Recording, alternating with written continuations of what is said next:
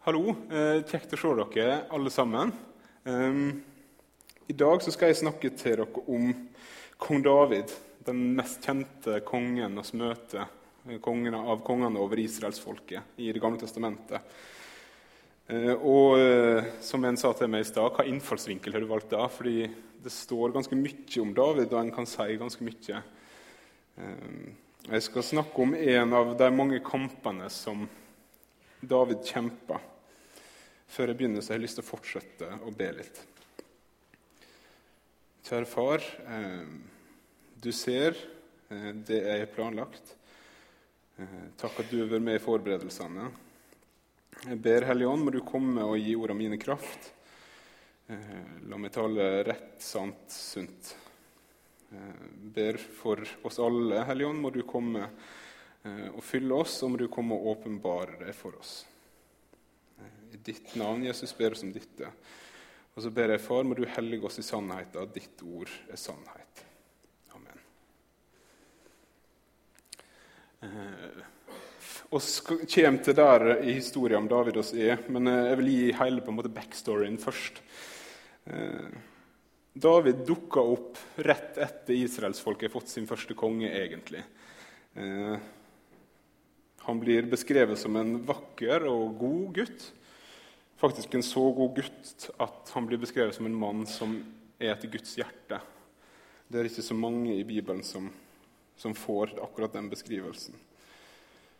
Eh, når Gud vraker kongen som sitt, Saul, og velger seg en ny konge, så faller valget på David. Eh, og han var den yngste av sju brødre. vel. Han var i hvert fall yngste gutt i søskenflokken. Eh, så et nokså rart valg, i hvert fall på den tida. Eh, han spiller harpe for kongen. Og så er han en gutt som er velsigna av Gud, står det. Etter han blir salvet til konge, så står det at Gud velsigner han, og Guds ånd er med han. Og Den mest kjente historien om David er når han kjemper mot Goliat, denne kjempen. Eh, og det er en utrolig kul historie egentlig, hvordan David kommer på besøk til brødrene sine. Hele Israels hær skjelver fordi der står en tre meter høy mann eh, og liksom sier 'Kom og slåss mot meg', og så spotter han Gud. Eh, og Israelittene er redde. Og Så kommer denne lille gjetergutten, David, og så spør han hvem er han tror han er, egentlig, han fyren her som spotta Gud? Eh, en liten gutt, en tre meter høy mann. Naivt, tenk oss. Men han stolte på Gud, han visste hvem Gud var. Så videre i historien så får vi høre at han blir en stor hærfører. Han er en sann venn eh, mot sine venner. Når Saul, kongen, prøver å drepe ham, så har han sjanse til å drepe selv to ganger, men han sparer livet hans. Han viser han nåde. Han er i det hele tatt eh, et, en act. Han er, han er dødsbra. Eh, og så blir han konge når Saul dør. Og det er her, mens David er konge og fortsatt seirer i krig og fortsatt gjør det veldig godt, at oss kommer inn i historien. For en kveld David gikk og spaserte på slottstaket sitt, så ser han ei vakker kvinne. Og Det er kona til naboen. Hun heter Batseba. David ser hun bade og ser at hun er veldig vakker. Og Han får henne sendt til slottet, og så ligger han med denne kvinna. Hun er gift med en annen mann, Uria. Og Uria han er en mann som er med i hæren til Israel.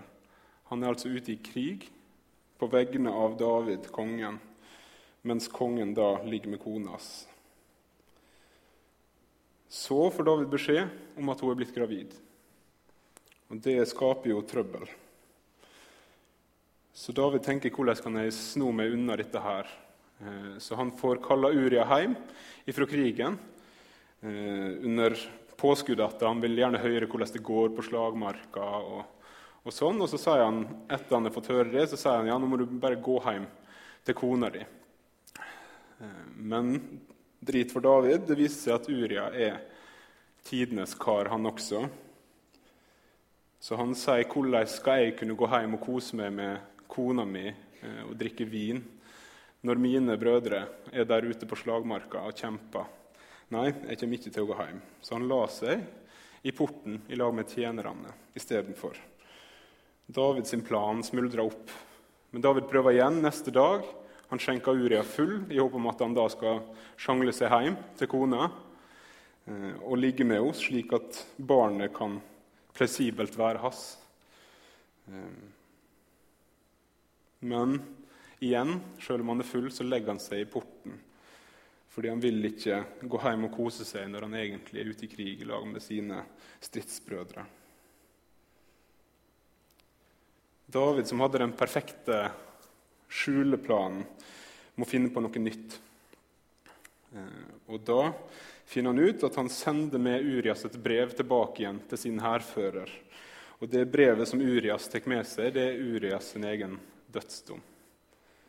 Hærføreren får beskjed om å sette Uria på den fremste posten, slik at han skal dø i kampen.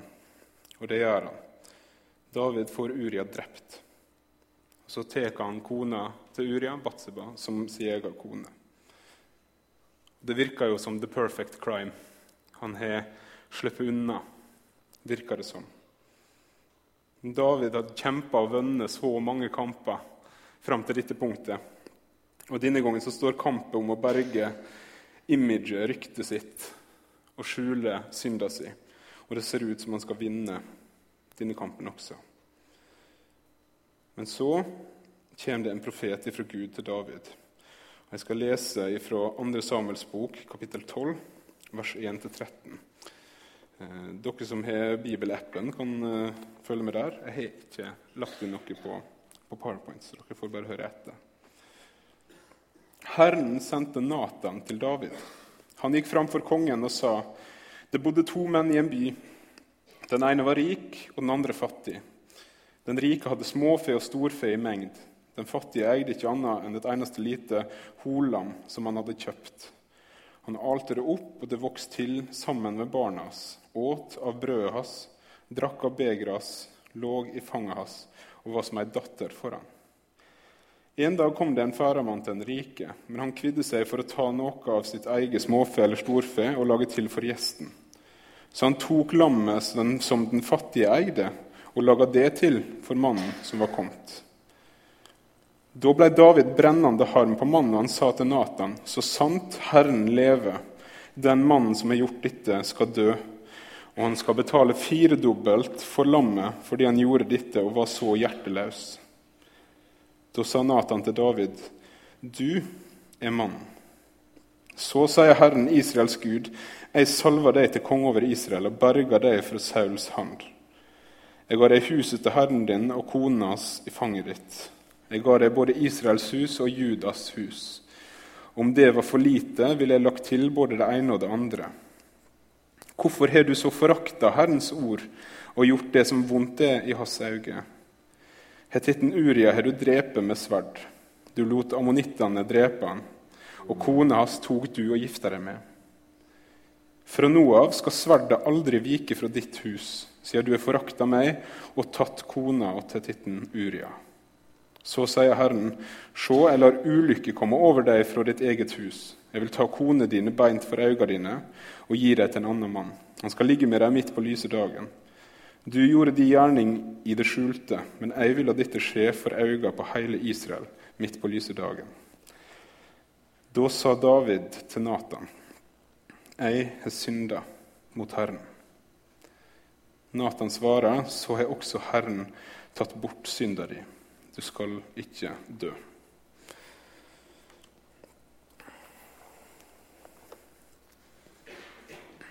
David hadde lykkes med å skjule synda si fra mennesket. Han hadde beholdt fasaden. Han var fortsatt denne prektige, store kongen som Gud var med. Han fikk fortsatt seg sjøl til å se bra ut. Og La dere merke til hvor langt han var villig til å gå for å skjule det han hadde gjort. I stedet for å komme clean med en gang, så velger han så føler han den beste løsninga er å drepe mannen til Batseba og prøve å skjule det. Men så kommer Natan, denne profeten, Og Han viser klart og tydelig for David at du kan ikke skjule noe for Gud. Du lurer kanskje alle andre, men Gud han ser både de gjerningene som du har gjort, og de tankene som du har, og han ser hjertet ditt. Og David blir avslørt. Men han står fortsatt overfor et valg i møte med denne avsløringa. I hans posisjon som konge så hadde det vært lett å fått Natan drept.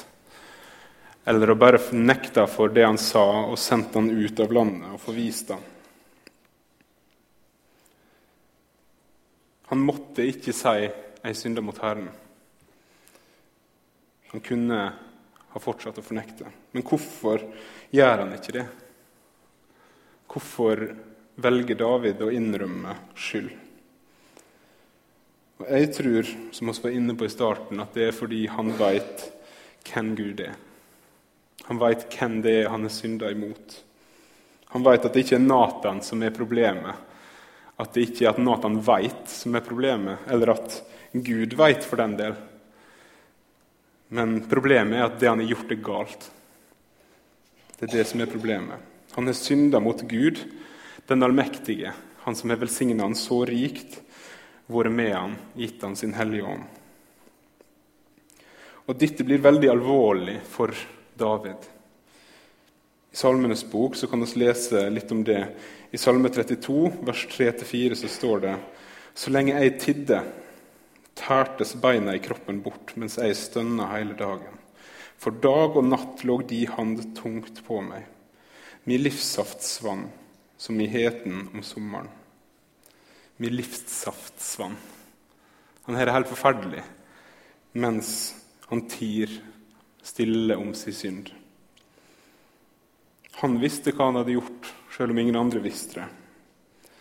Og det fyller han med sorg og med angst. Men hva gjør han med det når han nå blir konfrontert? Gjør han sitt hjerte hardt, eller lar han Gud knuse det?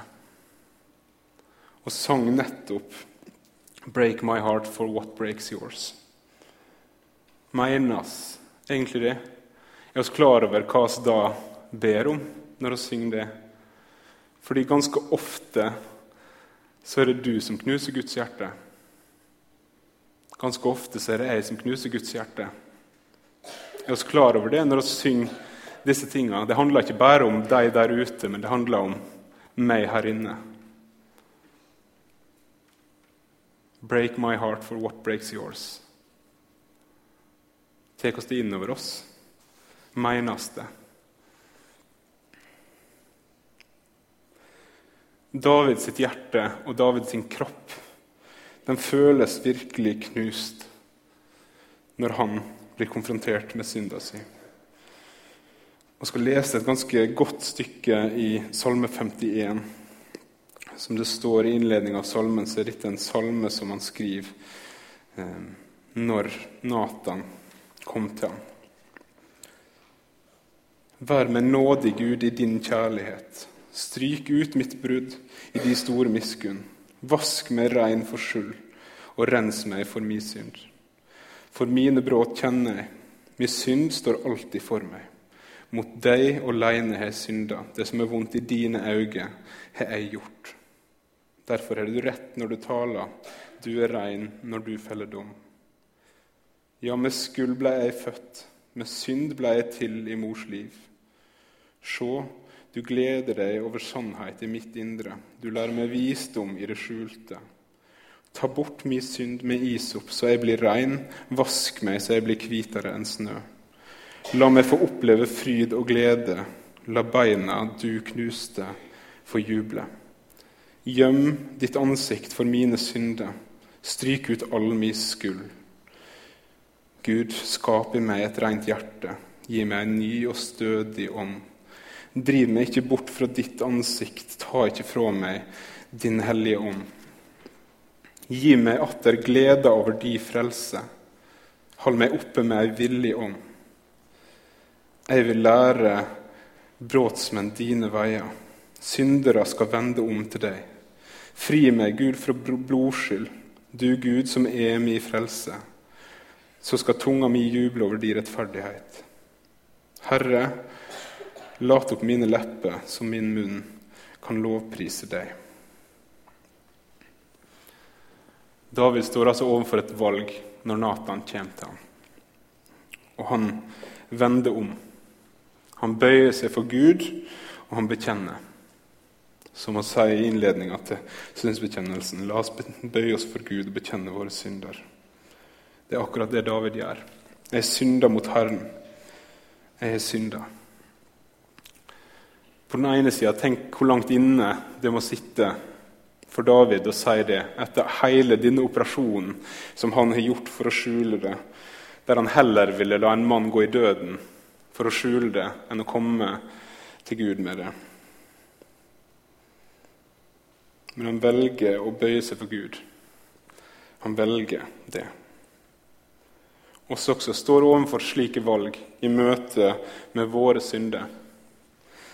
Enten det er vår samvittighet som knuger og som dømmer oss, eller det er noen andre, en bror eller en søster, som kommer til oss og peker på noe i livet vårt. Og hva gjør du? Hva gjør du hvis en av dine venner kommer til deg og peker på synda di og ber deg om å vende om fra det og gå til Gud med det? Gjør du da hjertet ditt hardt, eller lar du Gud knuse deg? Vil du forsvare deg mot anklagen, eller vil du bøye deg? Vil du bekjenne, eller vil du fornekte? Vil du vende om, eller vil du gå på din egen vei? Fordi det kan være lett å si når noen kommer til en og peker på ting i livet vårt, så er det lett å si det er mitt liv. Dette her er ikke du noe med. Eller er du så mye bedre? Går oss dit, eller blir oss ydmyke og takknemlige for at denne vennen, denne broren, brydde seg nok, elska oss nok til å komme til oss med noe som er så vanskelig å ta opp? Dette kan være et valg å stå overfor ofte. Kanskje ikke det i møte med våre venner, men i møte med samvittigheten vår, i møte med Ordet. Ordet kalles til å vende oss til Gud og vekk fra synda. Til å fly fra synda. Og hva velger du i møte med det? Når noe eller noen forteller deg at livet ditt er i strid med Guds vilje. Tar du det til deg? For det du velger, kan få store konsekvenser. Og Hvis det sitter langt inne for oss, tenk da på denne kongen. Konge etter Guds vilje, utvalgt av Gud, salva av Han. Alle visste det. Stridsherren, han som satt på toppen. Hvor langt inne må det ikke ha sittet for han? Men han, kongen, David, velger å bøye seg.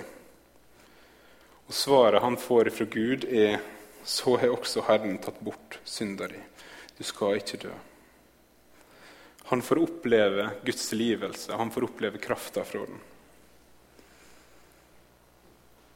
I det avsnittet la oss fra Salme 32, hvis en utvider det litt, så står det Salig er den som får sine brudd tilgitt og sine synder tildekte. Salig er det mennesket som Herren ikke tilrekner skyld, som i sin ånd er uten svik. Så lenge jeg tidde, tærtes beina i kroppen bort, mens jeg stønna hele dagen. For dag og natt lå de han tungt på meg, min livssaft svann som i heten om sommeren. Da bekjente jeg min synd for deg, og min skyld dekte jeg ikke over. Jeg sa jeg vil bekjenne mine brudd for Herren og du tok bort min syndeskyld.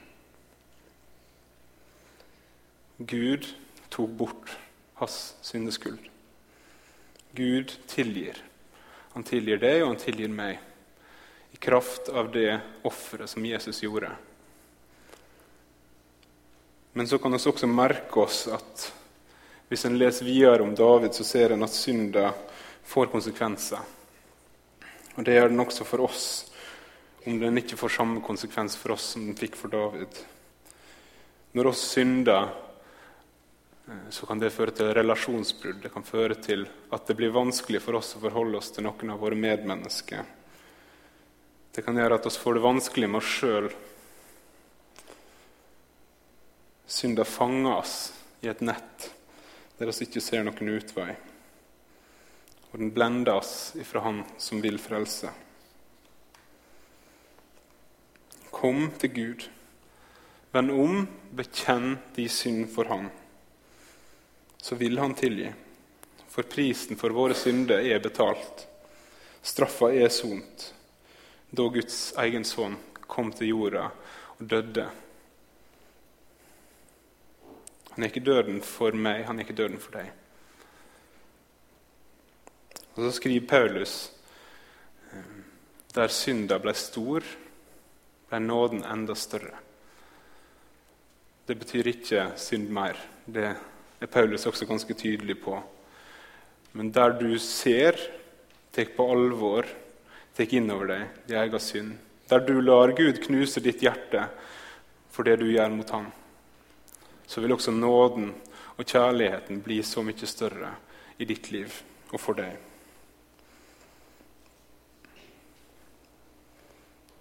Hvis oss vender om til Han, hvis oss bekjenner vår synd, så les oss et vers fra 1. Johannes hver gang vi feirer nattvær. Da er Han trofast og rettferdig hvis vi bekjenner, så han tilgir oss synden og renser oss fra all urett. Men så står det i det samme avsnittet hvis oss sier oss ikke synder, så gjør oss Han til løgner. Da gjør oss Gud til løgner. Og sannheten er ikke i oss. Hvis oss ikke gir Gud rett når Hans ord anklager oss, når Hans ånd anklager oss, så kalles Gud løgner. David han gir Gud rett. Og han veit at han er rett. Det ser oss i de salmene som vi leste ifra. Han kjenner virkelig på det som de gamle bedehustraverne kaller syndenød. Han veit hva han har gjort, og han veit hvem han har gjort det mot. Han er synda, han er gjort galt mot Gud, han som er hellig, hellig, hellig. Han som er den som er rett til å dømme. Han som er den som er skapt alt. Han som er den som velsigner. Han som er den som holder alt oppe. Han som sitter på trona og regjerer overalt. Mot han er det han er synda, og han er klar over det. La dere merke til språket han brukte for å beskrive hvordan han kjente det med seg sjøl før han fikk denne tilgivelsen. Guds hand som lå så tungt på han. Beina i kroppen som tærtes bort. Og så I Salme 51 så står det 'de beina som du knuste'. Livssafta som svann. Det er veldig sterke ord, men det er veldig beskrivende for hvordan en kan føle det.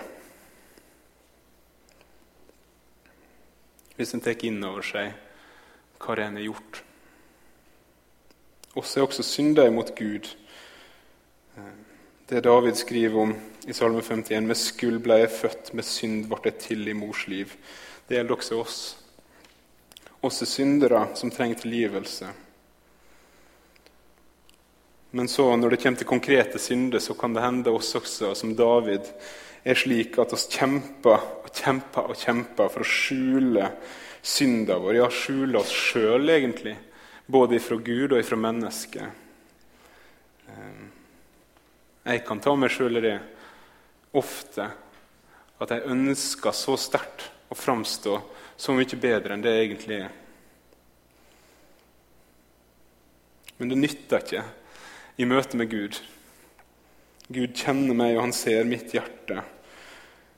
Men likevel er det lett å fornekte det og fortsette på sin egen vei. Men hvor er det den veien fører hen?